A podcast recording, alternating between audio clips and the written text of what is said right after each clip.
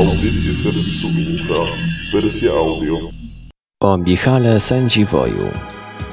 Na jego cześć cesarz Rudolf II, zdumiony udaną przemianą metalu w złoto, kazał wmurować w Pradze tablicę z napisem Niechby inny tyle wniósł, co sędziwój Polonus. Opinie na temat najsłynniejszego polskiego alchemika były jednak mocno podzielone.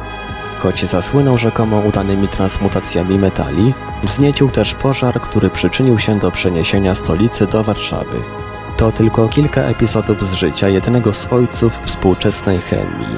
Michał Sędziwój, po łacinie Sędziwodzius Polonus, żyjący w latach 1566-1636, najwybitniejszy polski alchemik, był przedstawicielem gałęzi sztuk tajemnych, które bliżej było do nauki aniżeli do magii.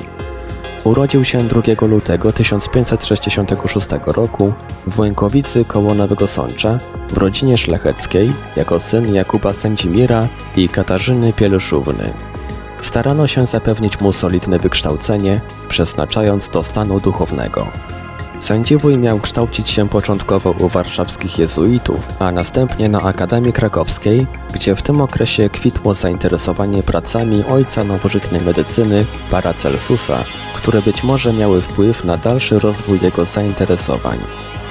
Według Romana Bugaja, historyka polskiego okultyzmu, człowiekiem, który zachęcił sędziwoja do alchemii był Mikołaj Wolski, starosta Krzepicki i Olszyński, późniejszy marszałek Wielki Koronny, którego wsparcie umożliwiło alchemikowi studia zagraniczne. Z początkami kariery sędziwoja wiąże się legenda o wykradzeniu przez niego sekretów angielskiego alchemika Aleksandra Setona, zwanego kosmopolitą. W rzeczywistości incydent z Setonem miał miejsce w okresie, kiedy pozycja sędziwoja jako alchemika była już ugruntowana. W relacjach na temat rzekomych inspiratorów lub pierwszych nauczycieli sędziwoja pojawia się także postać anonimowego Ormianina, który miał wywrzeć na niego znaczny wpływ podczas podróży po Niemczech. Relacje te mają jednak charakter legendarny, wpisując się w podejście wielu biografów sędziwoja, zarówno polskich jak i zagranicznych, którzy upatrywali w nim szarlatana. Z polskich autorów zdanie to podzielali Wiszniewski, Ciekoński, Briken, Szymanowski, Meller i inni.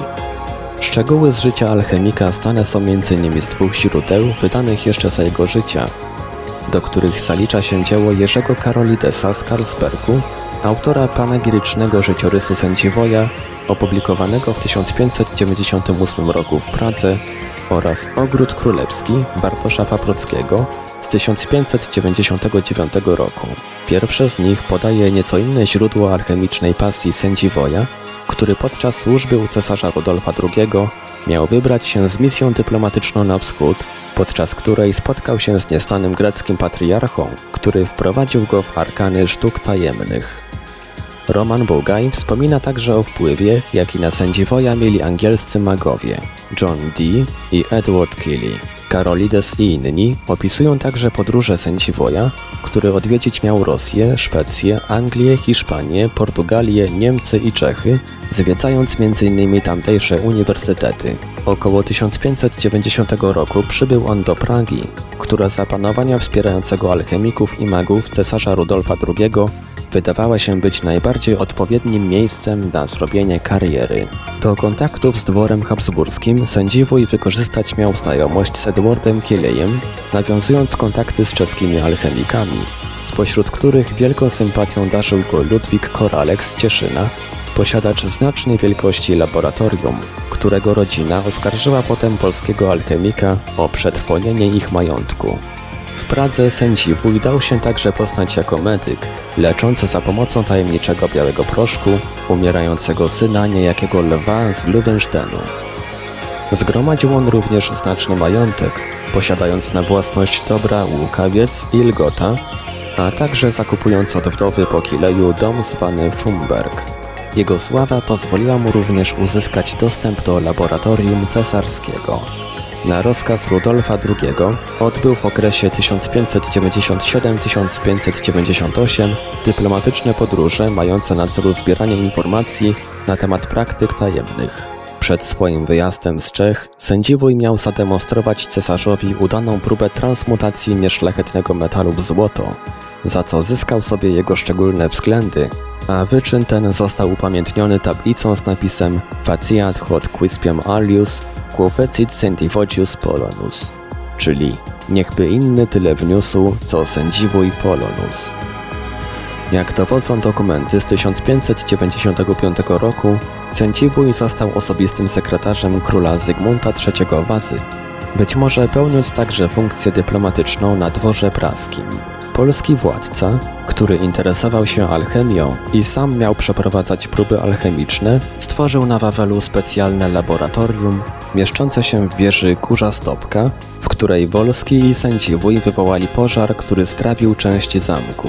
Sędziwój, który od czasu do czasu bawił w Krakowie, pojawił się potem na dworze księcia Fryderyka z Wirtembergi, słynącego z karania nieuczciwych alchemików, gdzie został uwięziony za namową książęcego alchemika Johanna Heinricha von Millenwelzeima. Wkrótce zdołał zbiec, składając skargę na księcia, co pociągnęło za sobą interwencję cesarza Rudolfa II i Zygmunta III, a następnie proces i śmierć Millenfeldzeima. Sędziwój przez kolejne lata przebywał w Polsce, posługując się tytułem sekretarza królewskiego. Jednocześnie pełnił funkcję lekarza, dokonując cudownego wyleczenia króla Zygmunta III.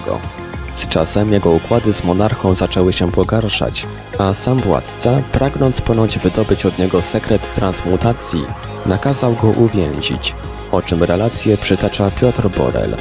Według relacji Hieronima Pinociego, w czasie pobytu w Polsce sędziwój miał zbudować w należących do Wolskiego podczęstochowskich Krzepicach laboratorium alchemiczne, jednak jego popularność na dworze stopniowo malała, wskutek czego musiał on zabiegać o nowych protektorów. Jednym z nich okazał się być Jerzy Mniszech, wojewoda sandomierski, wspierający ideę Dymitriat i jednocześnie syn Jerzego, który zaangażowany był w sprawy wywoływania ducha Barbary Radziwiłłówny na dworze Zygmunta Augusta.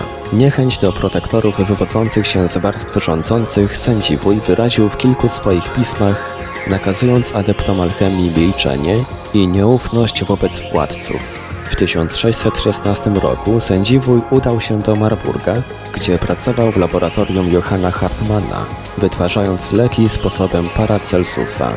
Między 1619 a 1624 rokiem przebywał na dworze cesarza Ferdynanda II w Wiedniu, zyskując nadzór nad budową kopalń ołowiu na Śląsku, jednak wskutek obciążeń kosztami wojny trzydziestoletniej nie otrzymywał wynagrodzenia od cesarza, za co w 1630 roku oddano mu zadłużone wsie w Ołomuńcu, które zdecydował się sprzedać w roku swojej śmierci, to jest w roku 1636.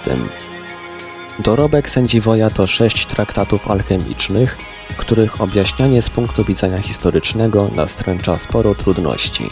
Zaliczamy do nich operację eliksiru filozoficznego z lat 1586-1590, traktat o soli z około roku 1598, najsłynniejszy ze wszystkich traktat o kamieniu filozoficznym albo nowe światło chemiczne ze źródła przyrody i doświadczenia ręcznego wydobyte z roku 1604, wydany 50 razy w pięciu językach, studiowany przez Antoana Lavoisiera i Isaaca Newtona, parabola albo zagadka filozoficzna, dodatek do wcześniejszej rozprawy, dialog Merkurego, alchemika i natury z 1607 roku oraz traktat o siarce z 1613 roku.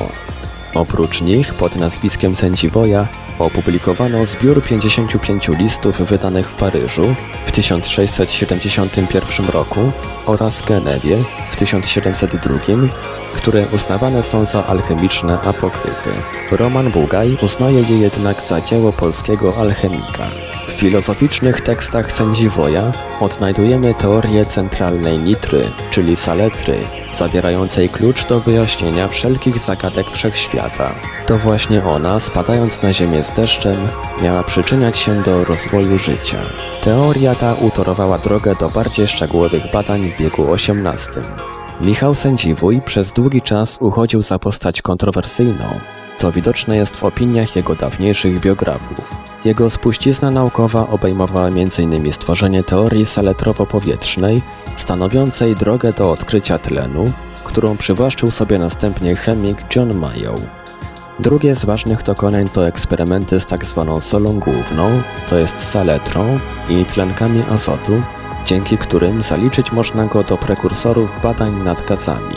W dziedzinie medycyny sędziwój odchodził od starożytnych metod, praktykując metodę Paracelsusa, opierającą się na farmaceutyce, unikaniu astrologii oraz umiarkowanym i racjonalnym, naturalnym stylu życia. Z drugiej strony nie pozostawił jednak po sobie konkretnych odkryć medycznych, a używane przez niego preparaty pozostają nieznane. Spuścizna sędziwoja jako uczonego, dyplomaty i dworzanina pozwala zaliczyć go do wielkich, choć często źle ocenianych przez historię postaci polskiego baroku, stanowiących łącznik naszego kraju z Zachodem. Autor Piotr Cielebiaś. Portal Infra. www.infra.org.pl Czytał Ivelios